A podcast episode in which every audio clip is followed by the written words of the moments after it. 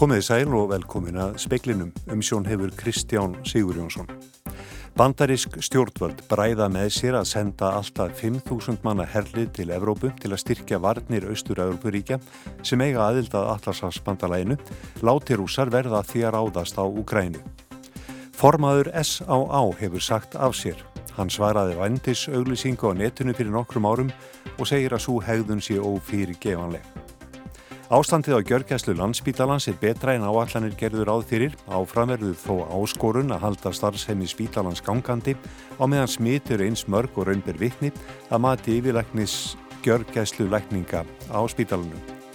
Ísland tapaði fyrir króatum í sveplukendum leiki í Budapest í dag.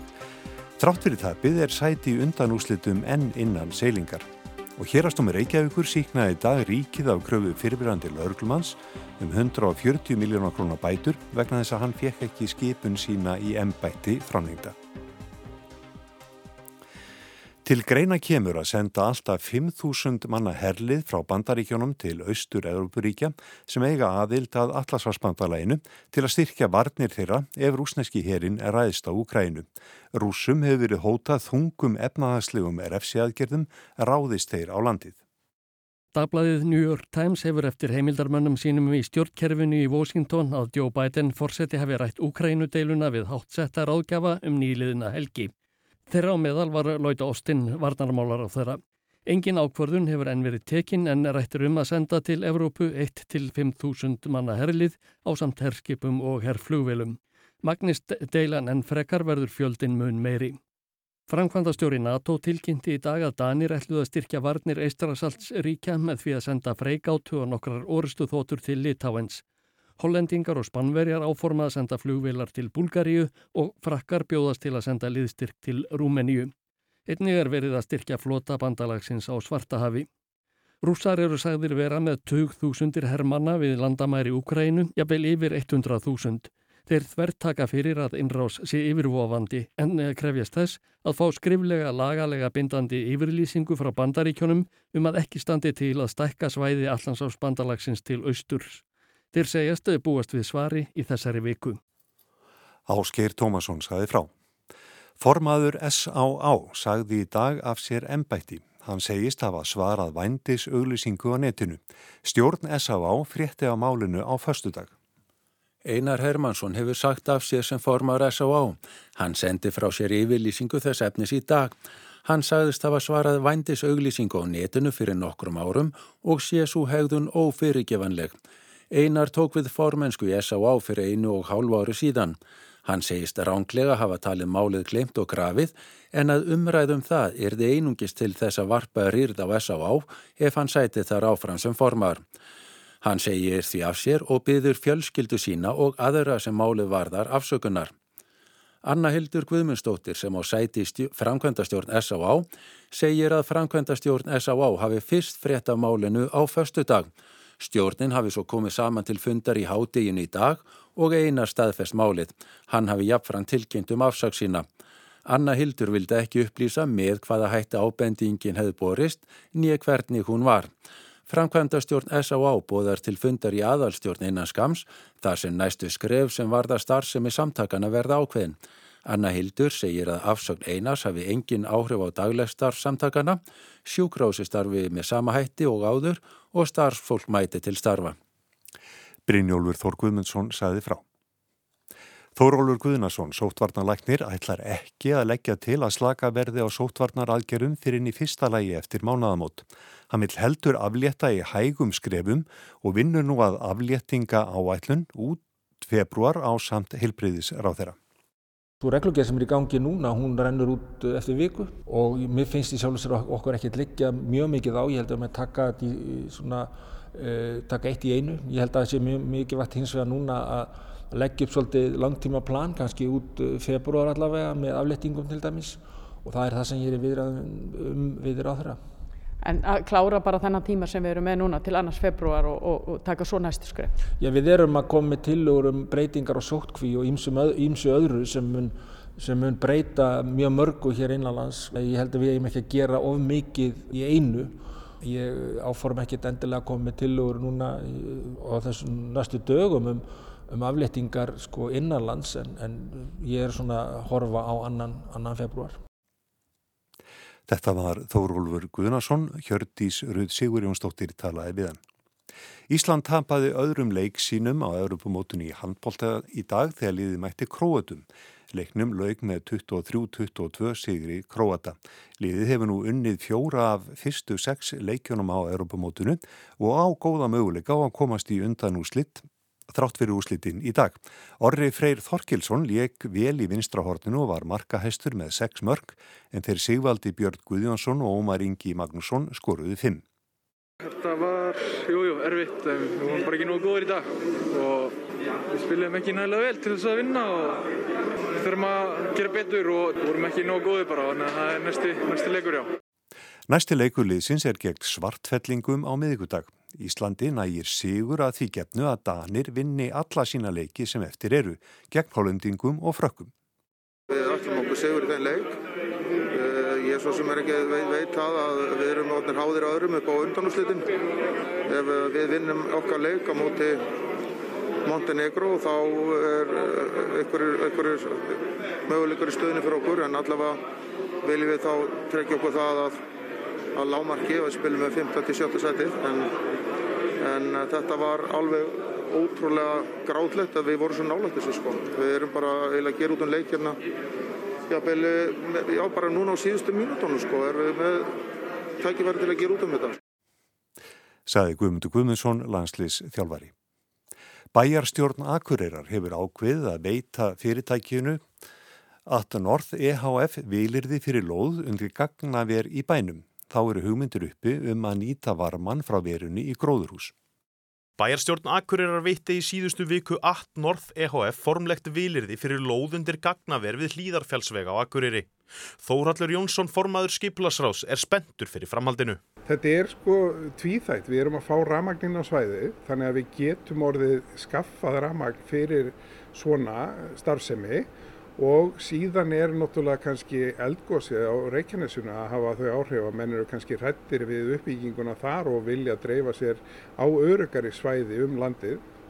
Nú hefur um verið mikil umræða um raf öryggi og, og hvort það sé til nægt ramagn ræður akkur við þetta svæði hérna við, við gagnar? Já, ég tel það að við fáum hólasanslínu inn núna vantarlega í haust og, og síðan kemur blöndulína í kjölfarið á næstu árum. Þannig að á svæðinu ættum við að geta farið að, að sinna svona orgufrekar í starfsemi. Það er einhverju hugmyndur um að þarna verði eitthvað meira en eh, gagnaverð hérna á svæðinu? Já, strax og fréttist af þessu að þá sóttu aðilar um lóð þarna við hliðina til þess að nýta sko varman frá gagnaverinu til þess að, að koma með gróðurhús og rækta þarna kál og eitthvað fleira. Það verður ekki mikið grænið það? Nei, þetta er bara virkilega jákvægt. Saði Þórhallur Jónsson, Óðinsmann Óðinsson talaði við hann. Íslenska ríkið var í hérastómi Reykjavíkur í dag síknað af rúmlega 140 miljóna krónar kröfu fyrfirandi lauruglumans. Hann fekk skipun sína í embætti ekki framlengda eftir ítrekkaðar kvartanir samstagsfólks. Maðurinn stemdi ríkinu eftir að laugröglustjórin á Vesturlandi auglisti stöðuna lausa til umsóknar. Tekist var áum það í dómsvólinu hvort að laugröglustjóranum hefði verið heimilt að auglísa stöðuna og hvort hann hefði gert það með réttmætum hætti eða hvort laugröglumadurinn hefði mótt vænta þess að skipun hans erði framlengs sjálfkrafa eins og hafði áður gerst.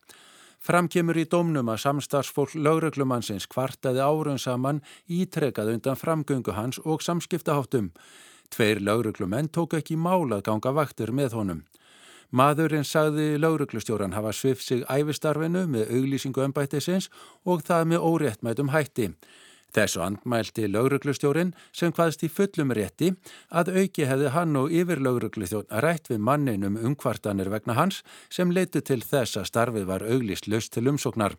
Hann hefði því haft tækifæri til að andmæla umkvartunum eða bæta ráð sitt en ekki gert það. Brynjólfur Þór Guðmundsson saði frá. Svo verðist sem bjart sínustu spárum þróun faraldursins hér á landi séu að koma fram. Færri hafa lagst inn á gjörgjastu deild en áallanir gerður ráð fyrir og þrátt fyrir smiti í hundraða vís allt frá því í desember hefur heilbreyðiskerfið staðist áhlaupið nokkuð vel. Ríkari krafa hefur verið um aflittingar senstu daga og svo verðist sem þær séu nú þegar komnar á tekniborð heilbreyðiseyfirvalda. Dr. Marja Varn Kverkhoff, einn helsti sérfrængur alþjóða heilbreyðismál á stofnunarinnar í vörnum gegn COVID-19, saði viðtali í gær að þrátt fyrir að ómikrón afbreyði sé ekki eins skadalegt og forverin, delta, sé veiran hættuleg. Hún segir að ómikrón geti valdið öllum gerðum COVID-19 allt frá einkennalösi síkingu til alvarleg sjúkdóms og jafnvel dauða. Þeir sem eru í mestri hættu á að veikast alvarlega af ómikrón er fólk með undirleikjandi sjúkdóma og óbólusettir. Omikron-afbreyði hefur breyst hratt út, bæði hér á landi og víðar, mun hraðar en delta-afbreyði gerði.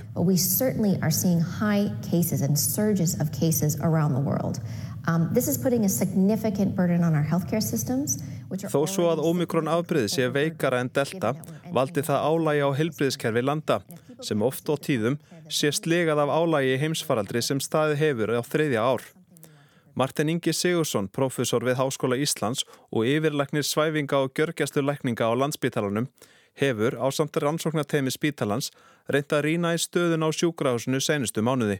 Já, við höfum alltaf kannski sérstaklega verið að skoða stöðuna núna síðustu 2-3 mánuði þegar við höfum orðið mikla breytingar í þessum af, afbreyðum veirunar. Eh, Delta hefur skiptið verið Omikron og saman tíma höfum við verið kannski yfir þjóðfélagi verið orðið núna full bólusett og í miklu meili örfunar bólusett þannig að við höfum kannski verið að reyna átt okkur á hvað máli það skiptir núna og, og, hérna, og sérstaklega núna þegar, þegar það er óbúslega mörg smitt þá skiptir miklu máli átt að segja því hvort, hvernig faraldurinn hefða sér í þessum þýðum því að hver einasta bylgi hefur verið, verið mismöndi því að við höfum haft mismöndi afbreyð og svo mismöndi bólusetningastöðu og ég held kannski það sem við verið að sjá núna þegar við skoðum síðustu mánuði þá er kannski allt frá síðasta ágústmánuði þegar við byrjum þá með vel bólusetta þjóð og, og þetta delta afbreyði er að frá og með þenn tíma þegar við höfum sjáum vel bólusetta þjóð og margi með öruna bólusetningu að þá sjáum við þessi gríðarlegu sterku áhrif af bólusetningunum í að forða fólki frá því að leggjast inn á sjúkrahúsið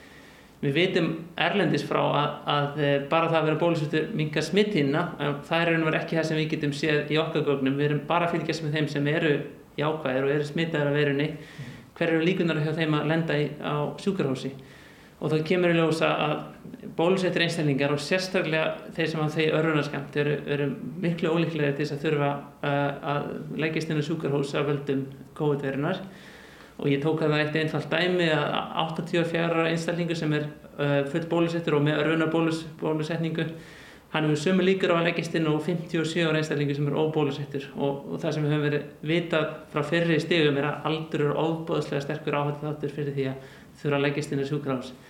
Þannig að það má segja að það að þykja bóluefni færi mannum áratögi aftur í, í áhættuna því að þurfa uh, meðferði við, við alvarlegum enginnum vegna verunar og við sjáum þetta nokkuð skýrt bara alveg frá 45 ára aldrei að, að, að þessir hópar skera sig í sundi þeir sem eru þeir sem hafa þegið enga eða eitt skamt mótið þeim sem hafa þegið tvo skamta og svo langmesta vendin er þeim sem eru hafa þegið örfunar skamta bólefni Það verðist vera að raun gerast svona bjart sínustu spár fyrir svona mánuði síðan að þá byggust með við því að það þyrtu margir að leggjast inn vegna ómikrón en það er ekki að gerast.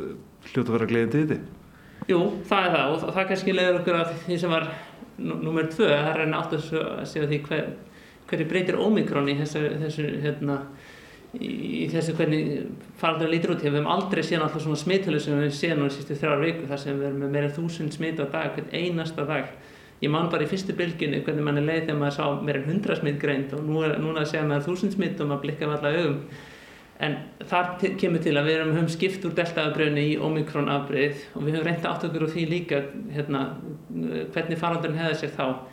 Og við höfum ekki ennþá upplýsingar um nákvæmlega afbröð hver einstaklingur hefur fengið. Eh, við erum að býða eftir þeirra upplýsinga. Þannig að við höfum þurft að nota nálgunina sem er að segja eftir 15. desember þá segjum við að omikron sé allsræðandi og þá sjáum við öllum bólusetningarhópum er, er, hérna, eru líkunar á leikjastunum sjúkur miklu miklu læri þar eru hjá bólusettum 30-74 ára er það svona eitthvað starra millir 0,1-0,4% sem er minna heldur en það sem við höfum búist við uh, fyrirfram alveg klálega og miklu minna heldur en við sáum í delta.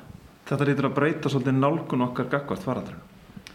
Já, nú þurfum við svona, náttúrulega einbetið okkur á því kannski hvernig ætlum við að, hvernig ætlum við að sinna fólki sem er uh, jákvægt af verunni og smittað en, en er kannski ekki veikt af verunni en kannski þarf að leita til heilbæðiskerfisins með önnu vandamál.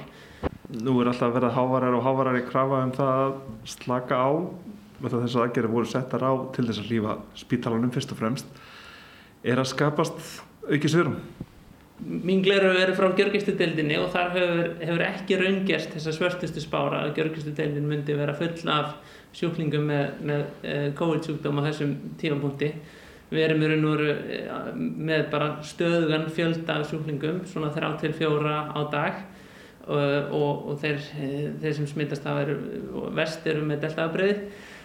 Hvað gjörgisluna var það, þá lítar líta hlutinni mun betur út heldur en við þorðum að vona hérna fyrir kannski tveim vikun síðan en áskorannar eru samt ennþá, ennþá fyrir, fyrir hendi og, og það, er, það er erfitt að koma svona hjólunum í gangi samfélaginu uh, vitandi það að, að veirupestin mun halda áfram að, að ganga og fólk mun halda áfram að smittast og stór hluti þjóðarinnar hérna, er, er, er sennilega hefur ekki smittast ennþá og, og mun, mun kannski gera það. Væri ósmanns æði að bara sleppa öllu lausu núna?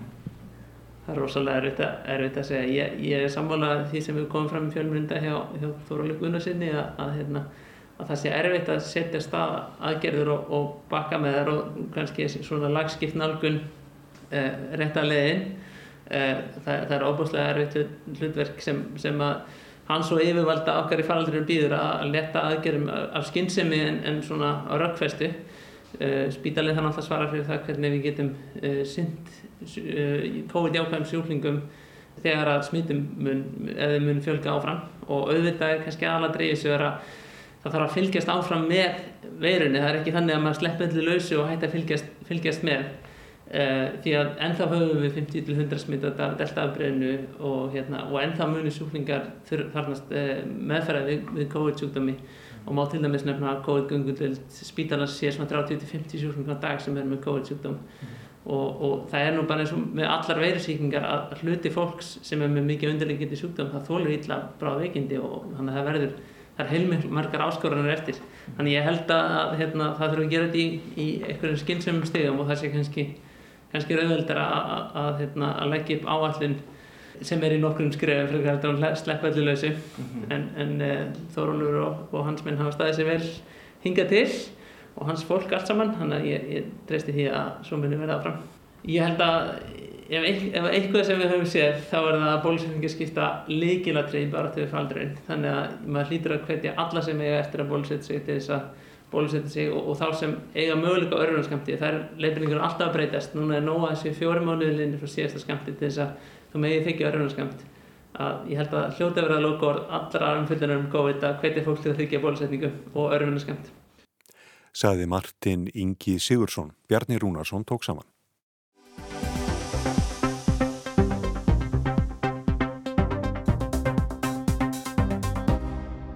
Undanfarnar þrennar kostningar hafa orðið miklar mannabreitingar í sveitarstjórnum, útlitt fyrir að svo verði enn í vor þegar kosi verður í mæ. Seks af hverjum tíu sveitarstjórnamennu verði nýjir. Karl Björnsson, framkvæmdastjóri sambands íslenskara sveitarfélag, sér að vissulega geti skýringar á þessari miklu endur nýjun verið jafnmargar og misjafnar og fólkið. Það sé tímafrekt og mikil ábyrð að veri sveitarstjórn, gangi oft út yfir fjölskyldu líf og algengt að menn vilja ekki sitja mörg tímabil. Maður komi í mann stað. Verkefni sveitafélagana verða sífælt floknari. Nærþjónusta á hálf sveitafélag hefur aukið stöðugt og verkefni verða floknari og lagaumgjörðin og reglugerðarumgjörðin flækir oft mál og menn þurfa að vanda sig mjög mikið og það er hætta á að menn misti í sig og menn er kannski hrættir við þá miklu ábyrg sem þannig er. En auðvitað eru ennbæðismennari sem eiga leiðbina í gegnum þetta þannig að sveitastjórnamenn eiga að fá þjónustu frá ennbæðismennum og þeir fá hana almennt. Og því starri sem sveitafél eru því meiri þjónusta er náttúrulega hálfu ennbæðismanna við kjörna fulltrúa en í minnu sveitafélum þá mæðir ansi margt á fáum og kannski einna oddviti sem er eini starfsmaður sveitafli sem svo nokkur veginn alveg frá því og upp í náttúrulega Reykjavíkuborg. Karl segir erfitt að skýra af hverju kostningaþáttaka í sveitarstofnarkostningum er tölvert minni en í þingkostningum. Hann bendir þó á að hann hafi verið heldur meiri í síðustu kostningum en þeim þar á undan eða um 67%. Maður finnur það ofta að svona henni almenni borgar hann áttast ekki alltaf á því hvaða hlutverk sveitafélagi hefur í þjónustunum og hvaða hlutverk ríkið hefur. Þannig að það þarf kannski að kynna það betur en ég held að í aðræðanda sveitstjórnarkostninga þá kynna menn málinn svo vel að, að svona henni almenni kjósendánu áttast á því hver þjónustan er að hálfu sveitafélagi. Það hefur lengi verið stemt að stækkun sveitarfélag í landinu til að þau ráði betur við reksturinn. Við hefur gett andstöðu við saminningu, ekki síst í smæri samfélögum sem óttast að tínast að vera gleift og þjónustan og áhrifin skerðist. Menn reyndur nú að koma út svo þetta í nýju sveitarfélagi múlaþing með að stofna heimastjórnir. Þannig að menn hljóta verið óttir bara fyrir alls konar möguleikum að, að tryggja líðræðið og að, að það bytni ekki á neinu í aðarsvæði þó að saminningu erði en auðvitað er alltaf hægt á því en ef að menn vanda sig og að markmiðin skýr þá að hægt að tryggja íbúa líðræði þannig að allir fái svipað á sömu þjónust. Karl nefnir múlaþing og heimastjórnir. Einmitt í múlaþingi hafa samt heyr strattir frá til dæmis borgarfriði eistra um óttafólks eða tínast. Já, já, það er alltaf hægt á því en á móti kemur eitthvað annað við sammenningu. Það er möguleiki til dæmis að taka fér sem hefur farið í yfirstjórnarkostnað og nota það í þjónustu til dæmis á félagsþjónustuna eða fræslu þjónustuna eða annað það hefur sínt sig í sveitafélagum og, og þá er það menn að spörja sig vilja þeir nýta peningana betur þá er beitnar þjónustu til íbúana eða í, í yfirstjórnina? Og það eru mismunandi ástæður fyrir því að svum sveitafélag vilja ekki samanast öðrum. Við vitum af nokkur svona fámunum sveitafélag sem hafa svo mikla tekjur og standa svo vel fjárslega að þau vilja ekki hleypa öðrum í það. Það getur verið einn ástæðan og önnur ástæða hraðislega við að vera á jæðarsvæði og svo fráins. Þannig að það þarf bara að skoða hvert tilfelli fyrir sig og, og reyna að taka á því þannig að menn trúi því að saminning sé öllum til heilla en svo getur vel verið að það bara sé ekki hægt að sína fram á það. Landsting sambansins samþýtt á sínu tíma að styðja við áform setjastjórnar ráðferða um að samena sveitafélög og jáfnvel með lögþvingunum e, með tillit til íbúa fjölda en það var horfið frá því á alþingi og og þá vinna mann bara með það og ég held að það sé náttúrulega farsalast að íbúðinni sjálfur ákveði sammenningu og það spilin séu lögð þannig á borðið að menn sjáu að það sé hafkamni í því og ákveðin trygging að allir fái sína þjónustu og ég vil öflugri þjónustu en áður. Nær þjónustan er alltaf að aukast og batna hjá sveitafélagunum að dómi Karls. Og misrætt og það fer svolítið eftir í hvar ábyrgin liggur sem sveitafélag hafa til dæmis mjög þunga þjónustu á sviði þjónustu við falla fólk. Og það er alveg ljóst að þegar svo þjónustu var flutt frá ríkiti sveitafélag að fjármörnunum var ekki nógu góð og núna frá árinu 2018 hefur hallað verulega á og það vantar orðið marga, marga miljardar í raun og verið til að ná endur saman. En þetta kemur misjaflega niður á sveitafélagunum eftir í hvar þjónustan liggur. Og það er fleira náttúrulega sem veldur kannski vestandi fjárhástöðu hjá sumum sem getur verið tíambundið af því að það eru kannski mikil vaksta sveitafélög, að það er mikla innviða uppbyggingu og mann þurfa að steipa sér skuldir til að fjármagna það. En þegar fyrir staðið að þá kannski hegnast allir og, og menn ná endur saman og ná að lækka skuldir nær framhald að því. En menn verða að horfa til náms tíma í þessu. Karl telur að með þróun stafrætnar þjónustu sé víða hægt að hagraða mikið. Stærri sveitarfélag hafa þegar tekið stór skref í þá átt og samband íslenskar sveitarfélag leitt félug saman til að ná hagkvæmni starðarnar. Þetta geti kosta tölverti upphafinn skili sér þegar fram í sækir. Aukning á þjónustu kostar sitt en tekjur hafa ekki vaksið að sama skapi undanfærin ár, segi Karl. Útsvarið er ekki allstaðar það sama. Síðan eru mjög misvandi stefna til dæmis í þjónstugjöldum. Svum sveitaflegur með mjög lág þjónstugjöld eins og leikskólagjöld og annað meðan að önnur er með hágjöld. Þannig að það verður að skoða hvert sveitaflegur fyrir sig og verða sjálfstæði sveitstjónamanna að móta gælskrafstefnuna og skattastefnuna. Saði Karl Björnsson, Anna Kristín Jónsdóttir tók saman.